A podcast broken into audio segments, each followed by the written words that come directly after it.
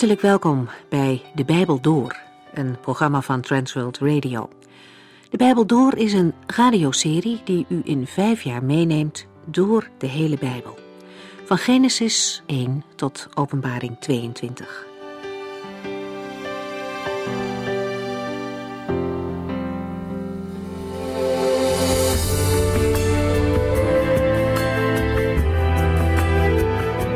We zijn inmiddels al een heel eind op weg in de Bijbel.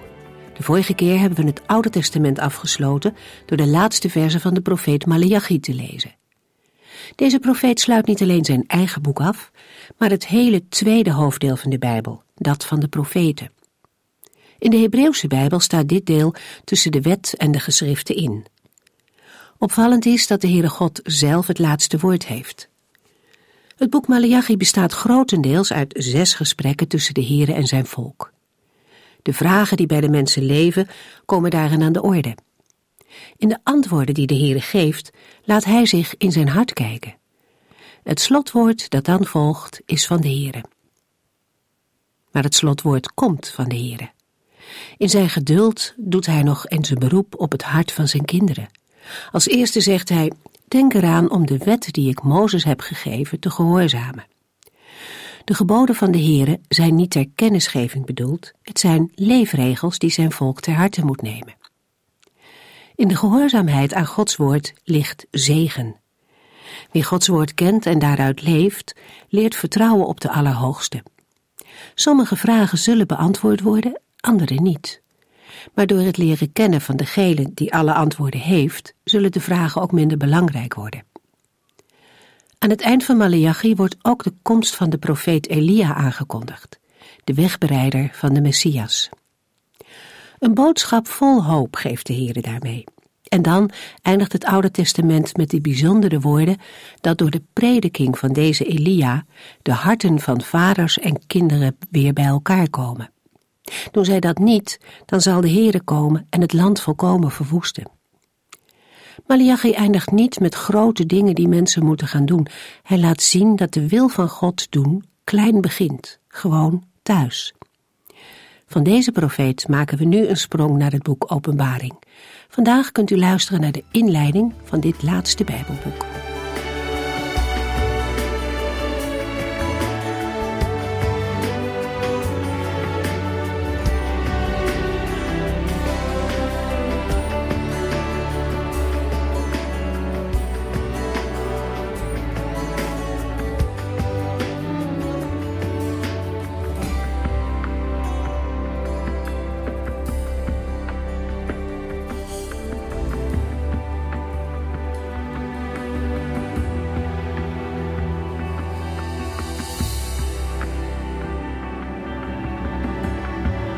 In deze uitzending maken we een begin met het lezen en de bespreking van het laatste Bijbelboek van het Nieuwe Testament.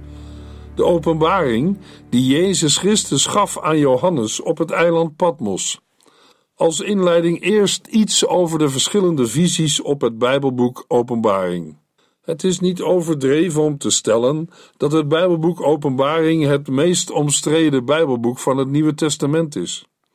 Hoewel het Bijbelboek in eerste instantie een brede erkenning vond, zijn er vanaf de derde eeuw na Christus groepen gelovigen geweest die het Bijbelboek hebben bestreden. Zij waren van mening dat het Bijbelboek Openbaring niet bij de andere Bijbelboeken in de kanon van de Bijbel kon worden opgenomen. In onze tijd wordt het in bepaalde kerken en christelijke gemeenten nog steeds genegeerd mede ook doordat andere groepen christenen er, voor hun gevoel, juist heel veel aandacht aan geven. In de tweede eeuw was het Bijbelboek Openbaring al bekend en in aanzien bij kerkleiders als Papias van Hierapolis, Justinus de Martelaar en Melito van Sardes. Deze drie kerkleiders bewogen zich in de invloedssfeer van het evangelie naar Johannes en leefden respectievelijk aan het begin, in het midden en in de tweede helft van de tweede eeuw. Helaas is het meeste van hun werk verloren gegaan. Maar van Justinus is zeker dat hij getuigt van het auteurschap van de apostel Johannes. Aan het eind van de tweede eeuw, toen de namen en de inhoud van de Bijbelboeken van het Nieuwe Testament grotendeels vastlagen, was het Bijbelboek Openbaring algemeen erkend als een kanoniek werk van de apostel Johannes. De bronnen waaruit deze informatie komt, zoals de werken van kerkvader Irenaeus, de kanon van Muratori, waarin de oudst bekende opsomming van de Bijbelboeken te vinden is, de werken van Clemens van Alexandriën en Tertullianus bevonden zich in vrijwel alle gebieden waar christelijke gemeenten waren ontstaan.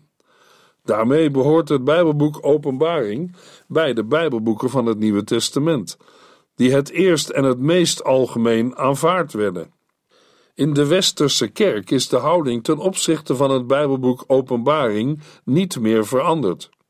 Maar in het oosten kwam in de derde eeuw een tegenbeweging op gang, die op inhoudelijke gronden bezwaar had tegen het Bijbelboek Openbaring. De belangrijkste criticus was Dionysius van Alexandrië. Door de effecten van deze tegenbeweging is het Bijbelboek in het oosten eeuwenlang omstreden gebleven. De achtergrond van de meeste kritiek is een afwijzing van het Chiliasme, dat wil zeggen de verwachting van een concreet duizendjarig rijk. Onder andere de invloedrijke kerkhistoricus Eusebius was een felle anti-Chiliast. Hij probeerde openbaring in discrediet te brengen en gebruikte daarbij soms het voorwendsel dat het Bijbelboek niet door een apostel was geschreven. De tegenstand maakte overigens wel duidelijk dat de Chiliastische uitleg zeer oude papieren heeft en dat de kerkvaders van de tweede eeuw het Bijbelboek Openbaring aanvaarden, inclusief de verwachting van een toekomstig duizendjarig vrederijk. In later tijd heeft het Chiliasme vaak een slechte naam gekregen. Voor velen, zoals bijvoorbeeld Calvijn, was en is het een scheldwoord. Bij Chiliasme wordt vaak gedacht aan naïef bijbelgebruik en sectarisch radicalisme. We noemen een paar gegevens die het succes van de tegenstanders van het Bijbelboek Openbaring laten zien. Het concilie van Laodicea liet het Bijbelboek buiten de kanon. Verschillende kerkvaders gebruikten het Bijbelboek Openbaring niet. Bij het maken van de vertaling van het Nieuwe Testament in het Syrisch, de zogenaamde Peshitta, in het begin van de vijfde eeuw, werd het Bijbelboek Openbaring overgeslagen. Maar in de zesde eeuw na Christus werd het Bijbelboek alsnog in de Syrische kanon opgenomen. De Armeense kerk aanvaarde het Bijbelboek pas in de 12e eeuw als horende bij de kanon van het Nieuwe Testament. En de Grieks-orthodoxe kerk heeft openbaring niet opgenomen in het rooster van lezingen in de liturgie. Deze eeuwenlang afwijzende houding heeft ook invloed gehad op de overlevering van de tekst van het Bijbelboek. Van openbaring hebben we beduidend minder Griekse handschriften dan van de andere Bijbelboeken van het Nieuwe Testament. Van de kerkhervormers uit de 16e eeuw had Maarten Luther, die wel vaker radicale standpunten innam, het Bijbelboek Openbaring het liefst uit de lijst met Bijbelboeken van het Nieuwe Testament verwijderd. Hij had niet alleen moeite met de uitleg die in zijn tijd aan het Bijbelboek werd gegeven, maar ergerde zich ook aan de versluierde vorm waarin Johannes zijn boodschap vertelt. Luther stelde dat in het Bijbelboek Openbaring Christus niet wordt geleerd en gepredikt. Van reformator Calvijn zijn zulke verregaande gedachten niet bekend. Maar het is een feit dat hij op alle Bijbelboeken commentaren heeft geschreven, behalve op het Bijbelboek Openbaring. Calvijn leerde van Luther dat de antichrist niet één persoon is, maar een aanduiding voor de pausen van Rome. De Zwitserse hervormer Heinrich Bullinger is de enige die het Bijbelboek Openbaring uitlegde voor de christelijke gemeente. Ondanks de tegenstanders en de weerstand is het Bijbelboek Openbaring in alle tijden tot steun geweest voor christenen in oorlogssituaties en gelovigen die om hun geloof werden vervolgd. We zien dit al in de verslagen van de marteldood van christenen in de tweede en derde eeuw, in de zogenoemde martelaarsakten. De doperse beweging in de 16e eeuw maakte naast de evangeliën en de boeken van de profeten veel gebruik van het Bijbelboek Openbaring. Vooral de gematigde stroming binnen de doperse beweging, die terug wilde naar de nieuwtestamentische vorm van kerk zijn, gebruikt de openbaring meer dan sinds de tweede eeuw ooit was gebeurd. Het leidde onder andere tot een herleving van de eschatologische verwachting.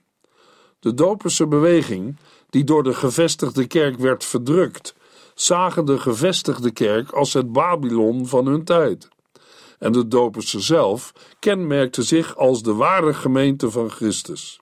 De kerken van de Reformatie leerden van de doperse beweging over de komende geloofsvervolging, antichristelijke ontwikkelingen, de mogelijkheid van afval binnen de kerk en de dreigende perversie door de hoer van Babylon. Ook de verwachting van de spoedige wederkomst van Christus en van het duizendjarig rijk kreeg door deze omgang met het Bijbelboek Openbaring een sterke impuls. De grote Bijbeluitlegger en pietist J.A. Bengel gaf het Bijbelboek Openbaring een centrale plaats in zijn theologie. Hij werd daardoor de vader van het moderne Giliasme.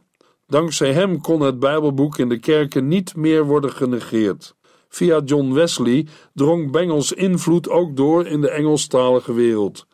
Zijn eigen uitleg werd overigens gehinderd door berekeningen.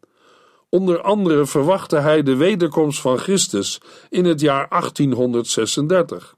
In de Tweede Wereldoorlog werd het Bijbelboek veelvuldig gelezen en uitgelegd. En het gaf mensen kracht en moed in hun verzet tegen de antichristelijke overheid. In het voorgaande kwam het verzet tegen de verwachting van een concreet duizendjarig rijk al even aan de orde. De interpretatie van het millennium is nog altijd omstreden. En dat is een signaal van de bredere discussie over de vraag hoe het Bijbelboek Openbaring moet worden uitgelegd. Tot in onze tijd bestaan er totaal verschillende visies op de uitleg van het Bijbelboek Openbaring naast elkaar. Ik wil nu nader ingaan op deze verschillende visies. De twee voornaamste kunnen we in het kort als volgt omschrijven. Het zogenoemde idealisme pleit voor een geestelijke uitleg. Deze visie meent dat het Bijbelboek met behulp van allerlei beelden een typering geeft van de geschiedenis in termen van een strijd tussen goed en kwaad. Daarmee krijgt het Bijbelboek een zekere tijdloosheid. Een andere visie is de historische uitleg. Deze visie gaat ervan uit dat Johannes spreekt over feitelijke gebeurtenissen die in de loop van de tijd hebben plaatsgevonden of nog zullen plaatsvinden. Afhankelijk van het antwoord op de vraag op welke tijdsperiode het Bijbelboek betrekking heeft, kunnen historische interpretaties nog weer onderverdeeld worden in de hedendaagse of contemporaine uitleg, de algemene historische uitleg en de eschatologische uitleg. Binnen de eschatologische uitleg zijn zelfs nog verdere onderscheidingen mogelijk. De historische interpretatie doet in die zin recht aan het Bijbelboek door de inhoud ervan op te vatten als verwijzingen naar historische feiten. Toch is er geen enkele Bijbeluitlegger die alles in het Bijbelboek volledig letterlijk opvat. Daarom moeten we nu eerst aandacht geven aan de vraag hoe letterlijk we het Bijbelboek moeten uitleggen. We zeiden al dat geen enkele exegeet het Bijbelboek Openbaring helemaal letterlijk uitlegt. Iedere exegeet realiseert zich dat er in de beschrijving van de feiten een bepaalde mate van symboliek is gebruikt. Een centrale vraag bij de uitleg van het Bijbelboek Openbaring is, en eigenlijk van alle apocalyptische visioenen, hoe verhouden zich de feiten met de symbolen? In welke mate moeten of kunnen de gebruikte begrippen en getallen letterlijk worden opgevat? We gaan nu wat dieper in op deze vraag. De reformatorische uitleg is er altijd van uitgegaan dat het Bijbelboek Openbaring veel beelden bevat die door de uitlegger moeten worden verklaard. Maar vanaf de opkomst van het fundamentalisme in de 19e eeuw wordt in kringen die daardoor beïnvloed zijn een nauw verband gelegd tussen een letterlijke uitleg van de Bijbel enerzijds en het aanvaarden van het gezag van de Bijbel als Gods woord anderzijds. Het is een stroming waarin men beducht is voor een al te vrije omgang met het woord van de Heer. Te veel vergeestelijken zou er namelijk toe kunnen leiden dat tenslotte ook de beschrijving van het scheppingsverhaal en de opstanding van Christus niet meer letterlijk worden genomen. In bepaalde kringen gelden alleen interpretaties die alles zoveel mogelijk letterlijk opvatten als orthodox of bijbelgetrouw. Respect voor de zorg en oprechtheid die achter deze opvatting ligt, hoeft nog niet te betekenen dat iemand in alles meegaat in deze denkwijze. Niet alles in de Bijbel is letterlijk bedoeld. Dat zagen we ook al in andere Bijbelboeken. Voorbeelden daarvan zijn de gelijkenissen die de Heer Jezus vertelt in Matthäus 13. De uitdrukking in het Bijbelboek Amos dat de Heere brult als een getergde leeuw. En de woorden van de Heer Jezus bij de instelling van het avondmaal: Dit is mijn lichaam en dit is het bloed van mijn verbond, maakt duidelijk dat we bij de gelijkenissen de boodschap missen als we ze zuiver letterlijk opvatten. En ook bij de andere voorbeelden doet een strikt letterlijke uitleg geen recht aan Gods woord. De Bijbelboeken van profeten als Micha en Joël blijven onbegrepen als de lezer geen gevoel heeft voor de beeldspraak die eigen is aan het profetische taalgebruik. De Bijbel is in dit opzicht niet anders dan andere literatuur. En in het dagelijks leven gebruiken we allemaal beeldspraak en symbolen. Visuele symbolen, zoals bijvoorbeeld de Nederlandse leeuw, maar ook beeldspraak, zoals een stortvloed van woorden. Het is een beeld of een symbolische aanduiding van een feitelijke werkelijkheid die niemand strikt letterlijk opvat. En wat te denken van aanduidingen als prijzenoorlog en concurrentieslag? Vaak zijn we ons totaal niet meer bewust van het niet letterlijke element in ons taalgebruik, zoals in de vraag: Kunt u dit volgen? Symboliek en beeldspraak hoeven niet minder serieus genomen te worden dan letterlijk bedoelde woorden. Vaak hebben beelden of metaforen juist een grotere suggestieve zeggingskracht dan een betoog, zoals bijvoorbeeld in de Bijbel zichtbaar wordt in gelijkenissen. Een nadeel van een beeld en een symbool ten opzichte van bijvoorbeeld een betoog en geschiedschrijving is wel dat ze moeilijker te interpreteren zijn. Als het oorspronkelijke verband verloren is gegaan, zullen ze na verloop van tijd onbegrijpelijk worden. Dat maakt studie naar de achtergronden waartegen een tekst werd geschreven belangrijk. In ons geval de inhoud van het Bijbelboek Openbaring. We hebben in de Bijbel regelmatig met beelden, symbolen, symbolische getallen enzovoort te doen. Daardoor dringt de vraag naar de verhouding tussen beeld en werkelijkheid zich op veel plaatsen op. Een goed principe is dat de tekst zelf wel aangeeft hoe we de betekenis ervan moeten opvatten, namelijk letterlijk of niet letterlijk. Als het gaat om historische Bijbelboeken en brieven, heeft de letterlijke uitleg de voorkeur. Maar de dichterlijke Bijbelboeken vragen een andere aanpak. We moeten de Bijbel steeds proberen te lezen met de ogen van de eerste lezers en niet met onze veelal rationalistische en westerse ogen. In het geval van het Bijbelboek Openbaring worden we op het goede spoor gezet door rekening te houden met het karakter van het Bijbelboek als een profetische en tegelijk apocalyptisch visionair boekwerk. Omdat het een profetisch Bijbelboek is, zal Openbaring betrekking hebben op historische situaties. Net als bij de profeten in het Oude Testament mogen we verwachten dat Johannes veel gebruik maakt van symbolen en vergelijkingen. Omdat Openbaring apocalyptische visioenen bevat, kunnen we beeldtaal en symboliek verwachten.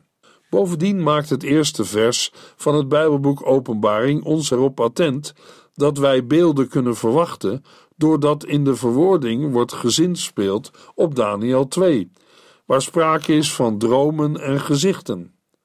Een meer algemeen probleem hierbij is dat de meeste Bijbellezers vaak niet vertrouwd zijn met de Bijbelboeken van de profeten en ook dat ze vaak geen andere apocalyptische literatuur kennen dan wat in de Bijbel staat. Daardoor missen ze vergelijkingsmateriaal. De Bijbel bevat naast het Bijbelboek Openbaring nog een aantal andere apocalyptische Bijbelgedeelten namelijk Jesaja 24 tot en met 27, Ezekiel 38 en 39, Daniel 2, 4, 5 en 7 tot en met 12, het Bijbelboek Joël, Zacharia 12 tot en met 14, Marcus 13 en een aantal versen uit 1 Corinthiërs 15, 1 Thessalonicense 4 en 2 Thessalonicense 2. Het loont de moeite om deze Bijbelgedeelten ter vergelijking te lezen. Het is duidelijk dat de diverse dieren en andere elementen die daarin voorkomen beelden of symbolen zijn van onder andere koningen en wereldmachten. Dat inzicht helpt bij het begrijpen van de vergelijkbare beeldtaal van Johannes. Als we met het voorgaande in gedachten gaan lezen in het Bijbelboek Openbaring, vinden we daar beelden zoals het lam, het beest en de bruid. De context geeft aan dat ook andere aanduidingen als beelden moeten worden gezien, zoals ruiters en sprinkhanen. Openbaring 2, vers 1 is een mededeling in symbolische taal. Daar wordt over de Heer Jezus Christus gezegd dat Hij de zeven sterren in zijn rechterhand houdt en tussen de zeven gouden kandelaars loopt. Het is een verwijzing naar de beschrijving van het visioen van de verhoogde Christus in Openbaring 1.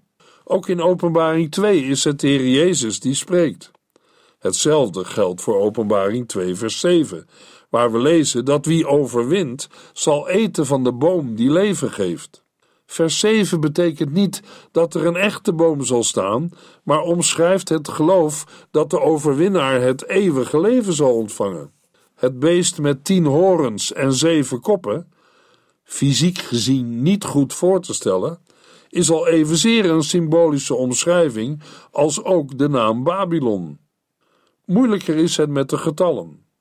De opvallende getallen 3, 4, 7, 12 en 1260 kunnen niet altijd letterlijk worden genomen, maar moeten van geval tot geval beoordeeld worden. Het getal 12 in de twaalf apostelen verwijst naar een feitelijk twaalftal, maar het getal 144.000 in Openbaring 7 moeten we opvatten als een symbool voor volheid. Een speciaal omstreden kwestie is in hoeverre het getal 1000 met betrekking tot de periode van duizend jaar letterlijk bedoeld is, of met name een volheid of compleetheid aanduidt. Na deze uiteenzetting is er nog meer te zeggen over de verschillende richtingen in de uitleg van het Bijbelboek Openbaring. Maar daarvoor moet ik u verwijzen naar Bijbelcommentaren, boeken en artikelen die dit onderwerp verder uitwerken. Ten slotte gaan we in deze uitzending nog wat dieper in op het karakter van het Bijbelboek Openbaring. In Openbaring 1, vers 4 tot en met 6 krijgen we de indruk dat het Bijbelboek een brief is. De aanhef die we daar aantreffen komt bijvoorbeeld overeen met die van de brieven van de apostel Paulus. Dit schrijft Johannes aan de zeven christengemeenten in Azië. Ik wens u de genade en vrede toe van God. Bij de beschrijving van de visioenen vanaf Openbaring 4 komen we geen kenmerken van een brief tegen, maar in het slothoofdstuk wordt de briefvorm weer opgepakt in de zegengroet. We lezen in Openbaring 22, vers 21: Ik wens u alle de genade van de Heer Jezus Christus toe. Amen. Er zijn nog meer aanwijzingen dat we in het Bijbelboek Openbaring met een brief te maken hebben. Het boek is een rondzendbrief bedoeld om rondgestuurd te worden aan zeven gemeenten in Klein-Azië. Net als andere brieven in het Nieuwe Testament is het Bijbelboek bedoeld om voorgelezen te worden gedurende de samenkomst van de gemeente. Een opmerkelijk kenmerk van de schrijfstijl van de auteur is dat hij schrijft in de eerste persoon enkelvoud. Hoewel de autobiografische vorm bij profetische of apocalyptische literatuur niet is uitgesloten, komt de vorm toch het meest voor bij brieven. De overtuiging dat we te maken hebben met een brief wordt ook gesteund door de relatie die de schrijver blijkbaar heeft met een specifieke groep christenen in een bepaald gebied. Het Joodse apocalyptische geschrift 1 Henoch daarentegen, zegt bijvoorbeeld dat de inhoud ervan bedoeld is voor de uitverkorenen die in de toekomst zullen leven in de dagen van de verdrukking, wanneer al de slechte en goddeloze mensen verwijderd zullen worden. Hierdoor ontstaat afstand tussen de schrijver en de lezers. Er zijn meerdere voorbeelden in de oudheid bekend van brieven die goddelijke openbaringen, orakels of profetieën doorgeven. We kunnen hier spreken van profetische brieven. Ook in het Oude Testament vinden we hiervan voorbeelden. 2 Kronieken 21, vers 12 tot en met 15 bevat een brief van Elia met een oordeelsaankondiging. De meeste profetische brieven die we kennen zijn verbonden met de naam van Jeremia en zijn secretaris Baruch. Ook in de vroege kerk werd de briefvorm van openbaring zo nu en dan opgemerkt. De openbaring van Jezus Christus aan Johannes is een lange brief die een verhalende lijn vertoont. Het is een gestructureerd verhaal. De brief is apocalyptisch wat betreft het behandelde thema en profetisch in het bemoedigen en vermanen van de christelijke gemeenten. Als we het woord apocalyps als uitgangspunt nemen, moeten we erkennen dat het Bijbelboek zichzelf maar één keer als apocalyps aanduidt en vijf keer als profetie of de profetische woorden. Hoewel Johannes zichzelf nergens betitelt als profeet, noemt hij het verslag van zijn visioenen wel profetische woorden. Het roept de vraag op of Johannes een onderscheid heeft willen maken tussen de twee termen, of dat volgens hem profetie een nadere omschrijving is van apocalyps.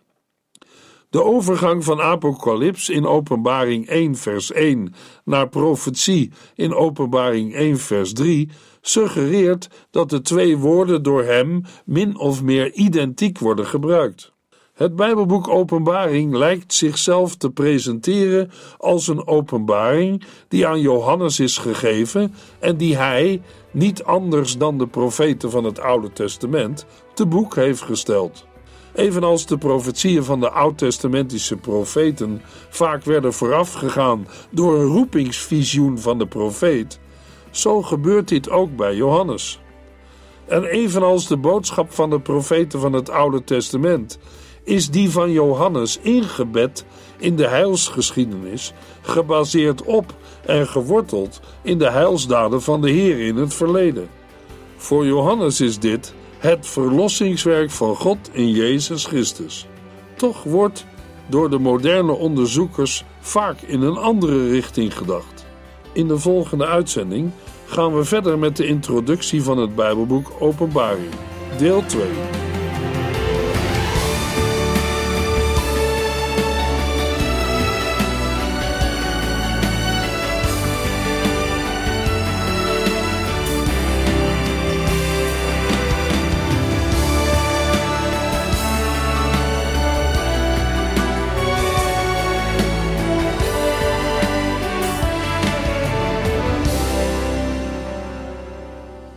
Geluisterd naar De Bijbel Door. In het Nederlands vertaald en bewerkt door Transworld Radio. Een programma waarin we in vijf jaar tijd de hele Bijbel doorgaan. Als u wilt reageren op deze uitzending of u heeft vragen, dan kunt u contact met ons opnemen. Tijdens kantooruren kunt u bellen op 0342 47 8432. 0342 47 8432. 32. Ook kunt u een e-mail sturen naar de Bijbel door transworldradio.nl en natuurlijk kunt u ook via de post ons bereiken. TWR, postbus 371, postcode 3770, AJ in Barneveld. Dit programma werd gepresenteerd door Corweda en Ike André. Techniek was in handen van Odin van Woerdenkom. En namens ons allemaal bedanken we u van harte voor het luisteren.